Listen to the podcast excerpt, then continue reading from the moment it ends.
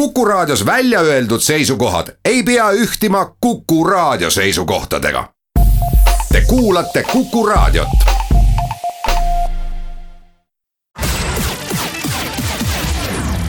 nädala Tegija. nädala Tegija astub hääletusammuga RM stuudio põrandal. ja tere nüüd ka Nädala Tegija stuudiost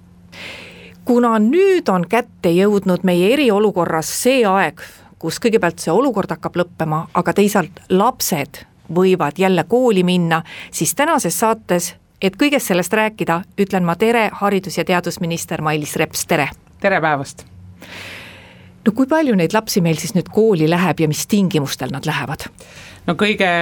selgem on see, et ega sellel õppeaastal sellist tavalist äh, kõik koos ähm, ühistranspordi või koolibussiga koos minekut ähm, tõenäoliselt enam peaaegu mitte kusagil ei tule.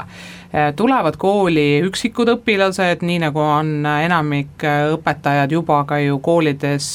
õpilastele, lapsevanematele teada andnud, et erandkorras või siis äh, huvitegevusega seonduvalt, äh, ma tean, et siin juba mitmed koorid äh, kibelevad kokku saamast või muusikat tegema, või, või siin ütleme, ma ei tea,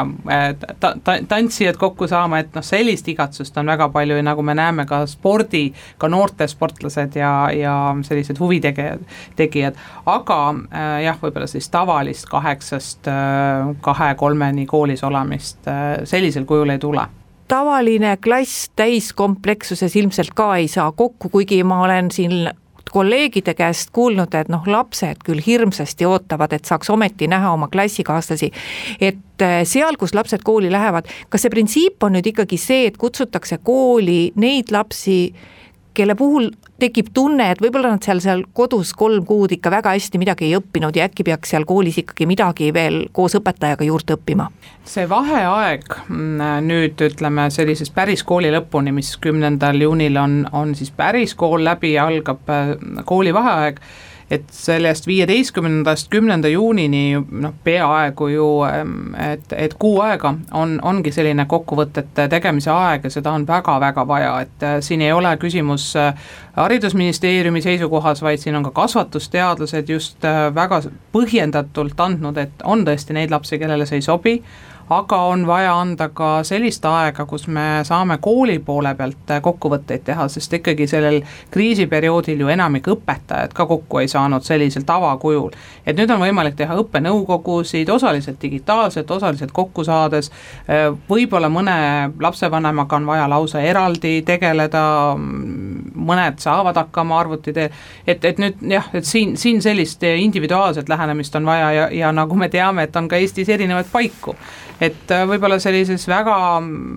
väikses maakoolis tehakse oma otsused ja, ja võib-olla kutsutakse kõik oma kümme või kakskümmend õpilast kooli, et, et me jätame selle kindlasti koolide ja õppe, õpetajate tasandile. Aga see, kes peab kooli minema ja kes ei pea kooli minema, selle otsuse tõenäoliselt on pered ja emad-isad kätte saanud, lapsed ka, et neid otsuseid ju Haridusministeerium ei tee? ei, meie ei tee ja me saame väga palju neid küsimusi, et kas on kohustatud või mitte kohustatud ja, ja ma kinnitan teile, et ka koolide ja õpetajate tasandil seda mõistmist eriolukorras on väga palju, et kui te tõesti tunnete, et ähm, teil on selline mure või teie laps kuulub riskirühma või te õpetajana ei soovi kindlasti selliseid kontakte no siis andke sellest teada, et, et me püüame ka vajadusel vahendada loomulikult, aga lihtsam on lihtsalt otse suhelda ja koolid just täpselt sellisest individuaalsest survest tulenevalt palusid ka, et kaheteistkümnenda klassi lõpueksam ei oleks kohustuslik, nii nagu me numbritelt näeme, see on väga erandlik, kes ei soovi teha lõpueksamit, üldiselt kõik õpilased teevad, aga just, et kui on seal üks või teine õpilane, et tal ei jääks sellel aastal kool lõpetamata ega see nüüd ei anna alust arvata, et äh, sel aastal saadud see kooli lõpu diplom, ma mõtlen just gümnaasiumi lõputunnistus, oleks natuke kehvem kui eelmistel aastatel saadud tunnistus või diplom, noh,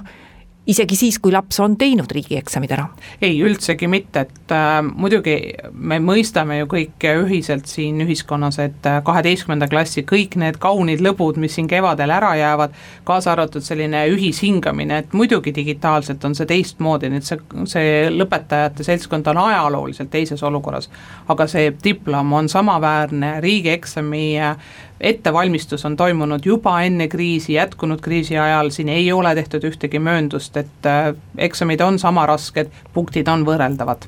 No kõrgkoolid siin, kui olid teade selle kohta, et lapsed võivad ise või noored võivad ise otsustada, kas nad teevad riigieksami või mitte, siis üldiselt kõigi poolt selline soovitus oli, et minge ikkagi tehke, et noh, võib-olla te küll ei mõtle, et te lähete sel aastal kõrgkooli, aga ühel hetkel äkki ikkagi tahate edasi õppida ja noh, teatavasti riigieksameid saab ju alati teha, aga ehk siis viis aastat pärast kooli lõpetamist on see võib-olla keerukam, kui teha seda sellel aastal, isegi kui sa ei ole kolm kuud koolis käinud. ja tõesti, äh, nii ministeeriumite, koolide, õpetajate poolt, igalt poolt tuli jah, see info, et palun äh, kõik soovitused, nüüd tõesti, kui siin oli äh, täiesti ütleme, tervisest tulenevalt, olukorrast tulenevalt, oli neid õpilasi, kes ei soovinud teha ja see, nendel on veel võimalus äh, suve jooksul järgi mõelda ja septembri lõpus, oktoobri alguses on lisaeksam,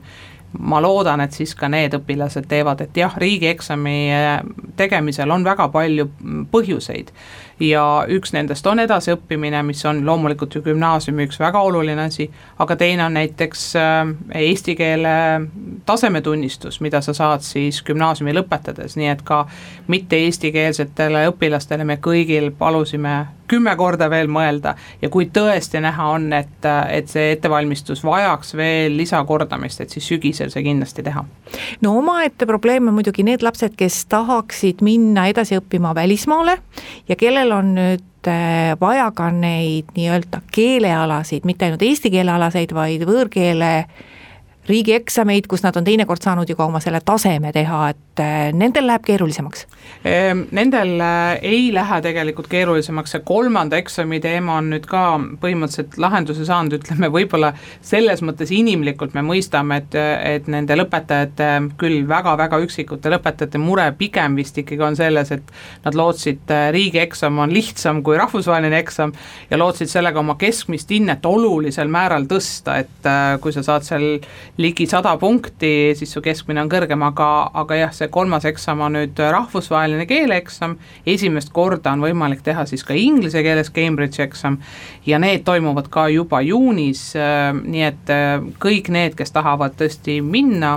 väljaspoole Eestit ja neid tegelikult ei ole nii suur, kui vahepeal mulje jääb, nendel on võimalik teha ka Cambridge'i eksam. mis meil nüüd lõpupidudest sai? Rääkisime küll sellest, et noh, et see viimased kuud äh, koos oma koolikaaslastega, gümnasistidel, need, kes lõpetavad, et need toredad rõõmud ja mured on kõik ära jäänud. praegu on ikka üldiselt vist seis selline, et ega selliseid klassikalisi lõpupidusid ei soovitata no kõigepealt abituuriumi osas, nüüd me räägime kaheteistkümnendast klassist, siis äh, enamik koole on siiski juba teatanud, et kaheteistkümnes klass kutsutakse kooli ja sellised äh, päris individuaalsed äh, konsultatsioonid on võimalik teha ka ütleme, päris, päriselus, mitte ainult digitaalselt, aga see ei ole sunduslik. ja, ja aktused või sellised äh, ütleme, pidulikud tunnistuse üleandmised, need kindlasti koolides toimuvad, et seda ma kindlasti äh, julgen siinkohal ka kinnitada, et sellist päris ümbrikuga keegi sulle tunnistust ei saada. aga pidu jah, nii nagu te väga õigesti sõnastasite, et äh, juuni on liiga vara et isegi kõige optimistlikumad siin äh, analüütikud ja viroloogid, teadlased siiski soovitavad äh, pidudest äh, juunis hoiduda sest isegi avalikele üritustele me oleme äh, siiski tuginedes analüüsidele pannud ka piirangu, et need ei oleks üle saja inimese. juuli ja august on juba ambitsioonikam, seal õues võib olla kuni tuhat inimest ja sees siis on loomulikult omad piirangud, sest äh, sees on see inimeste kontakt tihedam, et seal peab olema vähemalt siis mitte rohkem kui viissada ja viiskümmend protsenti ruumi täituvusest. Aga juunis on need reeglid rangemad ja seda tuleb ka kindlasti pidude puhul arvestada. aga jah, et kui, kui kuskil mõned noored nüüd lõpuks sõpradena ko kokku saavad, aga klassikalist lõpupidu tõesti jah, seekord tuleb teistmoodi. me teeme oma jutuajamisse väikese pausi ja hetke pärast jätkame. nädala Tegija. nädala Tegija astub hääletusammuga RM stuudio põrandal nädala Tegija saade läheb edasi, stuudios on haridus- ja teadusminister Mailis Reps ja räägime nüüd väiksematest lastest ka. Kuidas me täna teame, kui palju lapsed selle kodus oldud aja jooksul üldse teadmisi omandasid, targemaks said, kas selleks tehakse mingid spetsiaalsed uuringud, mis sellest koduõppest sai või, või kuidas seda mõõta või on seda üldse vaja mõõta?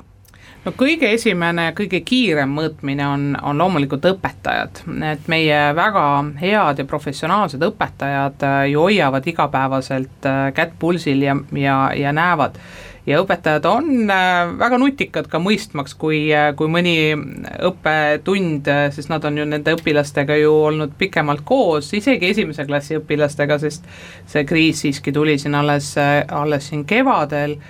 et, ähm, et kui siin nüüd on kõik õppetunnid päris lapsevanemate poolt ära tehtud, et äh, ka selliseid signaale juba õpetajad annavad äh, meile siin ministeeriumi poole peale, aga nad ei ole väga mures, et kinnitan vähemalt algklasside poole pealt õpetajad on öelnud, et neil on, neil on aega veel tasandada, nagu me teame, siin äh, õpitulemused alles peab ju saama ütleme selliste ütleme teatud tasemete lõpuks ja kui sa oled esimeses klassis, sul on kolmanda klassi lõpuni võimalik need äh, ära kohandada ja, ja selliseid väga suuri murekohti väiksemate lastega õpetajad küll välja ei too, aga jah, nad ütlevad küll, et nad tahaksid väga õpilastega eraldi töötada sügisperioodid ja vaadata hästi rahulikult ja üle korrata, et sellist kindlasti järgmine aasta sügis tuleb sellist ülekordamist esimese kaheksanda klassi osas. Kuidas nüüd põhikooli lõpetajatel on, nemad ju eksameid ei tee, samas eh, see õppetöö neil ju ikkagi jätkub, on seal mingisugust mõtet või et mida nad teevad sinnamaani, kui nad oma põhikooli tunnistused kätte saavad? Äh, suur osa äh, põhikooli lõpetajaid, üheksandik, äh, kes hetkel nüüd raadiot kuulavad, kuidagi ei ole selle sissejuhatusega nõus, et ähm, üheksandikud võtavad gümnaasiumisse sisseastumise kadalipu äärmise tõsidusega ja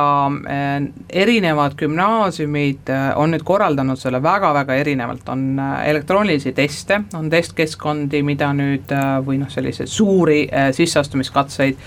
nii Tallinnas kui Tartus, kus, kus Innove on abiks tulnud äh, ja, ja oma test, testkeskkonna siis nagu välja pakkunud on äh, riigigümnaasiumid teinud väga sellised motivatsiooni ja, ja, ja intervjuupõhiseid äh,, on äh, koolid, kes teevad väikestes rühmades siiski ka paberi peal katseid väga,, väga-väga erinevalt, aga ega see kadalipp on tõsine. kutsekoolide puhul äh, võin ka öelda, et see on, oleneb erialast, kutsekoolid ongi siin lähtunud väga palju eriala spetsiifikast, kus on vaja kohale tulla, kus on vaja, saab teha seda elektrooniliselt ja signaal on siis see, et läbi kogu suve komplekteeritakse rühmasid just sellest tulenevalt, et eriolukorrast äh, võib-olla on kellelgi veel vaja midagi järgi õppida, kellelgi juurde. Nii et ähm, selline tegelikult on üsna ärev aeg, et üheksandikud ei ole kuidagi rahulikud ja, ja pingutavad ähm, gümnaasiumisse sissesaamise osas või, või ka edasiõppimise osas väga tõsiselt vot me räägime seda juttu ju tegelikult no meie ise erinevates intervjuudes, mida me ju tegime kogu aeg sellest, kuidas lapsed siis õppisid seal kodus, me nagu kogu aeg lähtume sellest, et äh, seal kodus on selline ideaalne keskkond, igal lapsel, olgu neid peres viis või kuus, igal lapsel on oma arvuti, kodus on korralik äh, internetiühendus, aga me ju teame, et tegelikult see ei ole niimoodi, et äh, ma tean, et väga paljud abistajad ka tegelesid sellel keerulisel ajal sellega, et paljudele peredele said muretsetud arvutid. et kas me täna teame, et kas kõik lapsed üldse said õppida ja kas meil on ka selliseid kadunud lapsi, et kelle puhul mitte keegi ei teagi, noh ega praegu ju õpetaja kodus ei käi vaatamas, et noh, et sa seal e-tunnis ei olnud, kus sa siis oled või mis olukord sul kodus on, et on meil neid kadunud lapsi ka? Äh, kõigepealt kõige suurem osa arvutitest andsid koolist kaasa koolid ise. Ja, ja ma arvan, et me peamegi tuleviku peale mõtlema, et siin on olnud väga palju küsimusi, et kuidas me võiksime üldse toetada rohkem sellist digitaalset õpet. Ja on ka olnud mõtteid, et kas näiteks peaks äh, üldse mingitele tervetele põlvkondadele arvuteid äh, ostu näiteks toetama riigihanke korras et äh, tundub, et ikkagi see mudel, kus sa saad nõndanimetatud töökohast kaasa liisitud äh, töövahendi ja õpilasel on see töökoht siis kool, et, et see mudel tegelikult töötab äh, väga hästi. Ja see kriisihetk näitas, et, et on ta siis koolis sel hetkel või ta on siis kodus, aga ta saaks niimoodi õppida. nüüd teine on tõesti jah, erinevad kodanikuühiskonnad, erinevad MTÜ-d, et meil on suur-suur tänu ka ettevõtjad, mitmed toetasid, oli ka neid, kes täiesti tõesti andsidki oma arvuti naabrile, sest teadis, et seal on vaja, et selliseid algatusi oli tõesti palju ja kümneid. nüüd ähm, kui palju meil on päriselt kaduma läinud, et seda statistikat võib siis nii öelda, et, et ta on ühes või mitmes tunnis täiesti eemal, neid lapsi on praeguse seisuga kokku korjatud statistika järgi null koma kuuskümmend viis protsenti, ehk siis tegelikult päris mitusada. Ja, ja käivad küll kodus, sotsiaaltöötajad, kohalikul omavalitsusel on konkreetne kohustus, üks kõige konkreetsemaid kohustusi üldse Eesti ühiskonnas õpilaste suunas või laste suunas ongi hariduskohustus. ja, ja, ja peab ütlema, et sotsiaaltöötajate, kohalike omavalitsuste tagasiside on see, et need on needsamad äh, pered ja needsamad lapsed, kellega on tegelikult kogu aeg olnud ähm, teatud küsimusi. et selliseid uusi lisandunud juhtumeid on pigem vaimse tervise osas, kus näiteks MTÜ Peaasjad ka ütlevad, et äh, või ka teised äh, siin tagasisidet, Vaimse Tervise Keskused, et, et selliseid uusi juhtumeid sellisest digitaalsest isolatsioonist on küll tulnud. et selles mõttes, kui meil on koolis käimise kohustus lapsele, kes on alaealine ja ta peab seal olema ja tavaliselt me ju tegeleme, kui tekib väga palju neid põhjuseta puudumise tunde, siis äh, ka eriolukorras sellega tegeletakse täpselt samamoodi kohustused on samad, eks muidugi lähenemine on veidi erinev, et, et püüti ikkagi kõigepealt äh, saada ühendust lapsevanemaga ja mitte kontaktis, aga jah, oli ka neid juhtumeid, kus tõesti sotsiaaltöötajad pidid sekkuma ja on ka neid äh, lapsi, kes käisid äh, päris kogu selle digitaalse õppe ähm, kuskil mujal väljaspool kodu õppimas, et oli siin juhtumeid, kus rah-, korraldati seda näiteks avalikus raamatukogus või kuskil mujal, et tal lihtsalt ei olnud võib-olla nii stabiilne seal, aga jah, ütleme kahjuks neid lapsi on, õnneks mitte niivõrd äh, erinev sellest tavakorrast me teeme siinkohal oma jutuajamisse natuke pikema pausi, kuulame ära Kuku raadio poolesed uudised ja siis räägime Mailis Repsiga edasi. nädala Tegija. nädala Tegija astub hääletusammuga RM stuudio põrandal nädala Tegija saade läheb edasi, stuudios on haridus- ja teadusminister Mailis Reps. kui me nüüd oleme läbi teinud praegu nii pika täiesti teistsuguse õppimise. kas me oleme siis äh, valmis ja kas see on vajalik mõtlema sellele, et äkki kooliõpe võikski olla natuke teistsugune, eriti suuremate laste osas, kui ta siiani on olnud. et kui meil siin äh, mõned õpetajad on väga ägedad programmid välja töötanud ise, koostöös teiste õpetajatega, äh, selline üksi nii-öelda kodukoolis töötamine on tulnud hästi välja, et võib-olla me kogu selle õppeprotsessi pärast seda kolmekuulist vahepealset seesugust tegutsemist peaksime ümber mõtlema ja noh, ka võiksime anda rohkem võimalusi erinevalt, erinevaks õppeks. Äh, selline kokkuvõte kui me vaatame, mis sellest eriolukorrast nii positiivset kui kindlasti ka selliste katsumuste pooles, eks neid kokkuvõtteid nüüd me kõikides valdkondades alles teeme ja, ja hariduses eriti, kus tegelikult protsess ju alles käib ja, ja me mõistame, et järgmisest nädalast pigem tuleb küsimusi ja, ja teemasid juurde et äh, suve jooksul ja ma usun, et ka siin teadlased, sest kogu sellest kriisist ja, ja sellest äh, väljumise osas on, on huvi väga suur ka analüüsida, teadmistepõhiselt äh, tagasisidet anda, et missugused ettepanekud, et sellega tegelevad väga-väga paljud inimesed praegult, et ma usun, et me oleme sügisel palju targemad. aga nüüd, kui võib-olla kuna me iga nädal korjame kooli, koolide tasandilt ja kohalike omavalitsuste tasandilt tagasisidet ja väga palju ka pöördutakse, et noh, selliseid sadu inimesi, kes otse pöörduvad, et ma julgen siin mingeid üldistusi teha, siis ütleks, et jah, selline midagi põhimõttelist on haridussüsteemis kindlasti muutunud. Äh, näiteks, et äh, mõne keerulisema teema juures on keegi seda suurepäraselt juba lahti selgitanud või andnud mingit lisamaterjali, mida saab kasutada. seda oskusteavet, kui palju on näiteks eriliselt andekatele lastele tegelikult olemas juba õppematerjali, mida saab juurde anda või kuidas aidata natuke aeglasemat last järgi, et sellist teadmiste hulka kindlasti ilma selle šokita me ei oleks saanud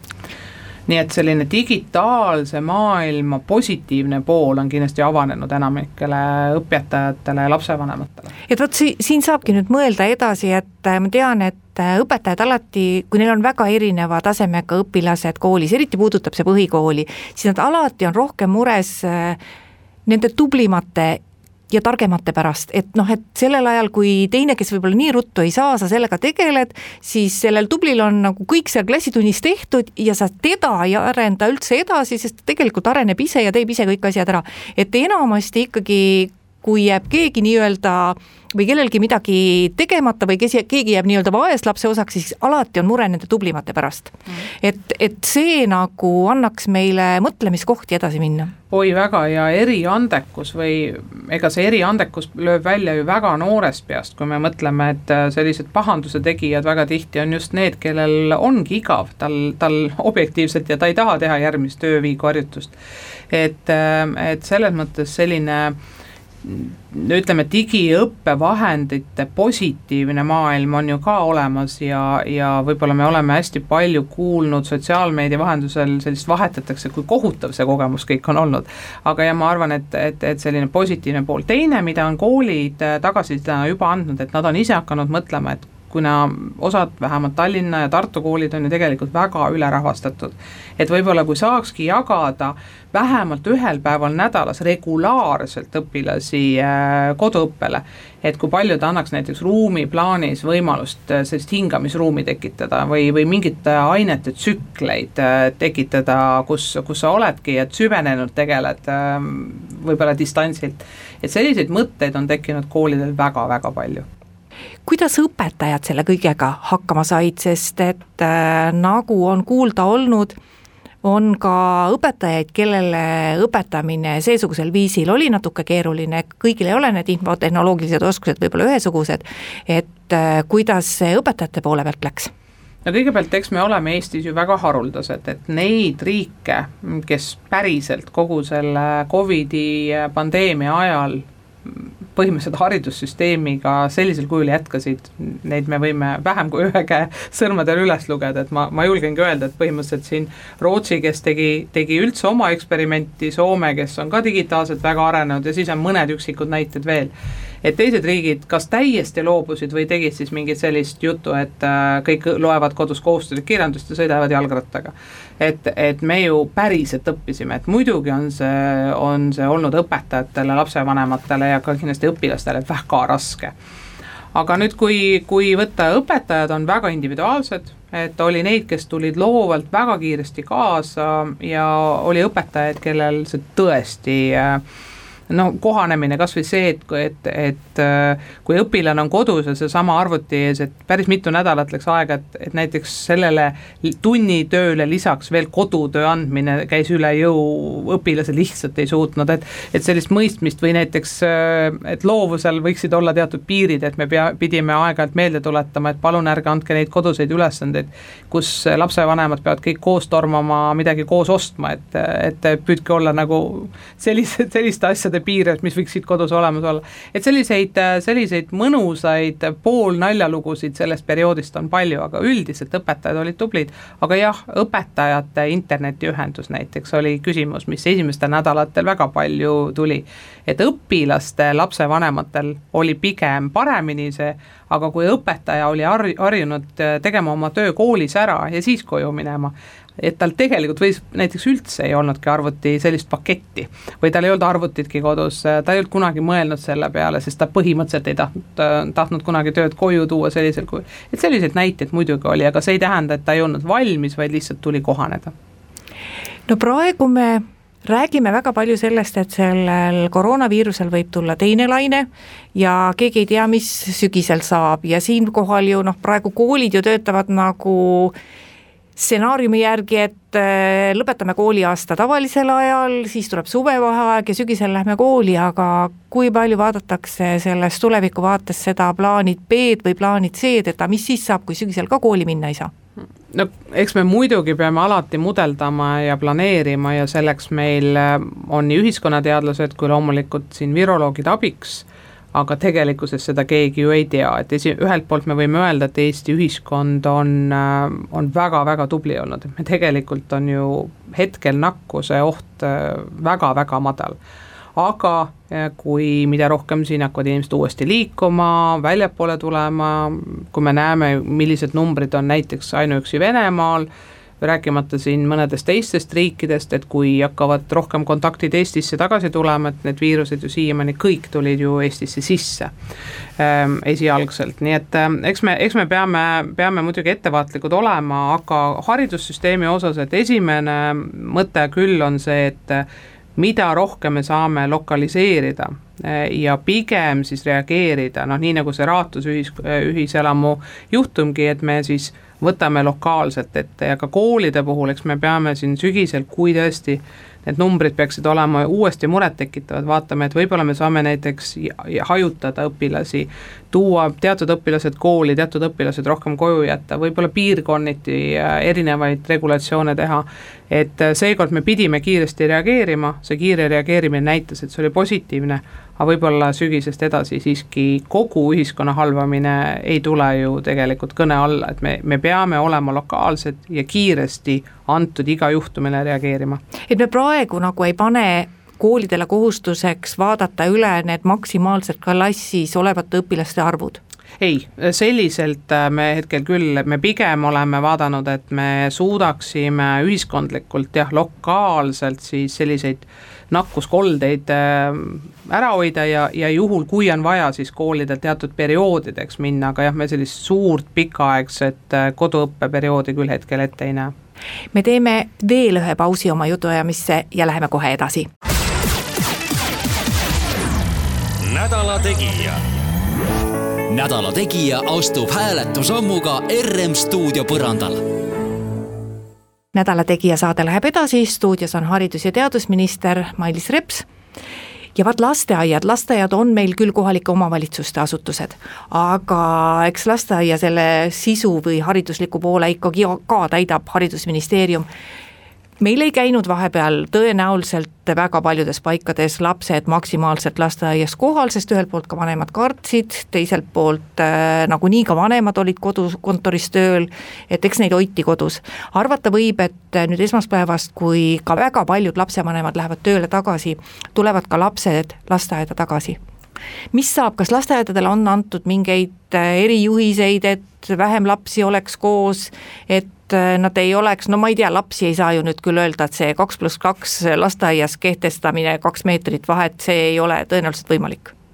no lasteaiad kõigepealt, äh, eks nad olid väga erinevas situatsioonis, et on äh, neid lasteaedu, kus ei olnudki näiteks siin kuu aega võib-olla mitte ühtegi last, äh, loomulikult nad olid põhimõtteliselt selleks valmiks, valmis, aga ei tulnudki keegi ja oli ka lasteaedu, kes ütlevad, et jah, igas rühmas oli vähem lapsi, aga kõik rühmad olid avatud, et, et see oli tõesti väga erinev. Aga nüüd äh, jaa, reeglid on loomulikult lisapuhastamine, kätepesu, sest lapsi me ei hakka ju desovahendiga kasu-, puhastama, vaid ikkagi soe vesi, seep, see kõik, mida tegelikult lasteaias kogu aeg tehakse. aga jah, võib-olla pindade äh, tihedam puhastamine, ruumide veel rohkem õhutamine aga üldiselt lasteaiad on meil niivõrd puhtad ja nii tublid, et selles osas äh, nüüd äh, murekohtades võib-olla tõesti on see, et ka lasteaiapersonali hulgas on ju erinevad, et me ei tea kõikide kroonilisi haiguseid, ma ei, me ei tea, millised on riskirühmad äh, vanuse skaalal vaadates, et muidugi sellist ebakindlust on, aga, aga kogu täituvusega kindlasti lasteaiad ei alusta väga paljud lapsevanemad, äh, tean ka siin Tallinnas, Tartus on ju tegelikult läinud maapiirkonda juba ära, äh, töötavadki distantsilt, ei tule tagasi kontorisse sellisel sajaprotsendilisel kujul. Vanemad lapsed on kodus koolist, seetõttu minu peres näiteks on nii võimalik just, et, et ikka keegi suurematest on valmis sel hetkel vaatama, et, et erinevaid lahendusi, et aga nüüd, kui sügisest rääkida või üldse sellist suve teisest poolest, kus rohkem tagasi tullakse augustist, et me võimalikult palju jah, oleme püüdnud olla lasteaedadele toeks, et need rühmad võib-olla oleksid nii kaua kui vähegi võimalik hajutatud, et need ei oleks nii suuremas hulgas, aga laste puhul kaks pluss kaks ei ole tõesti mitte kunagi olnud nõutud kogu selle kriisiperioodil, sest äh, me mõistame, et tegemist on ju väikeste lastega ja kindlasti väiksed ei hakka olema ka maskis. aga maskid, kui on äh, vajadus kellelegi, see on ja muidugi reegel lasteaedadel on seekord siis nüüd palju jõulisem, kui siiamaani oli pigem selline sotsiaalne kokkulepe, ärge tooge haigeid lapsi, siis nüüd on väga selgelt see reguleeritud, et kui on haigussümptomid, kui lapsevanem toob haige lapse, siis lasteaed võib sellest keelduda.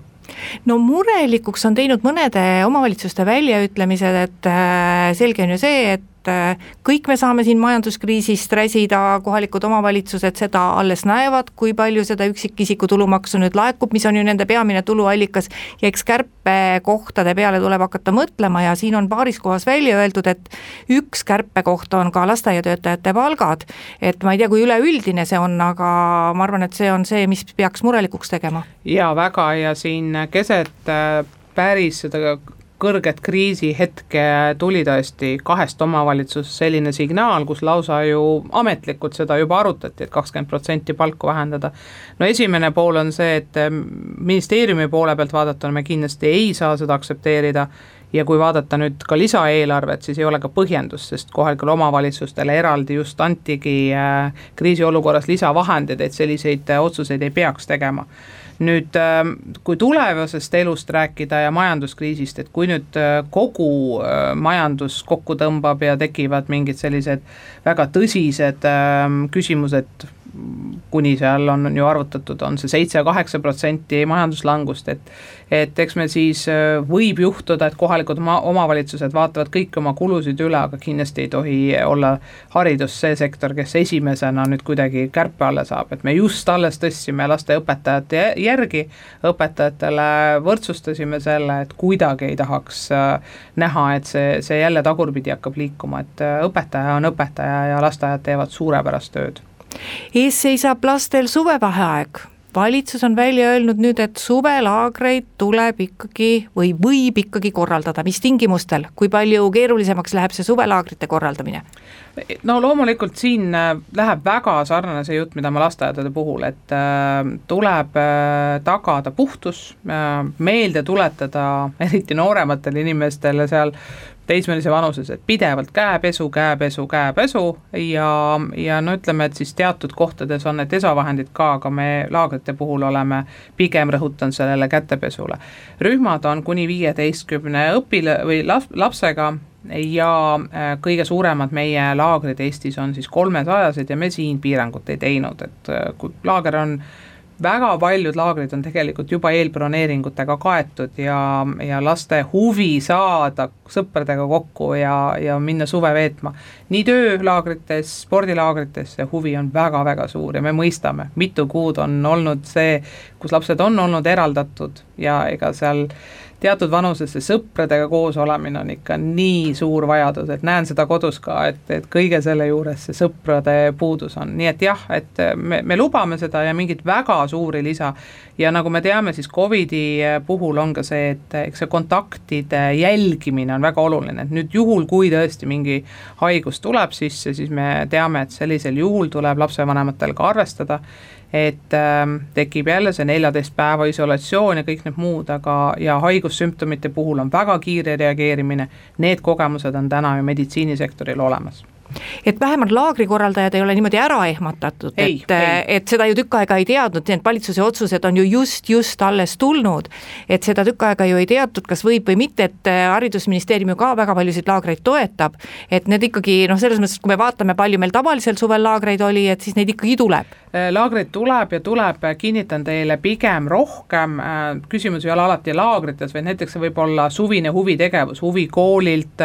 erinevatelt kunstiprojektidelt, asjadelt, et selline aktiivne suvetegevus sellel aastal ma pigem arvan, on suurem, sest nüüd, kui me vaatasime ka huvitegevuse eh, kriisiraha, mis viisteist miljonit me jagasime erahuvikoolidele ja eralasteaedadele, siis väga kiiresti tuli reaktsioon, et nad tahavad teha suvel üritusi, sest nende õpilased igatsevad oma lemmiktegevuste juurde tagasi tulla.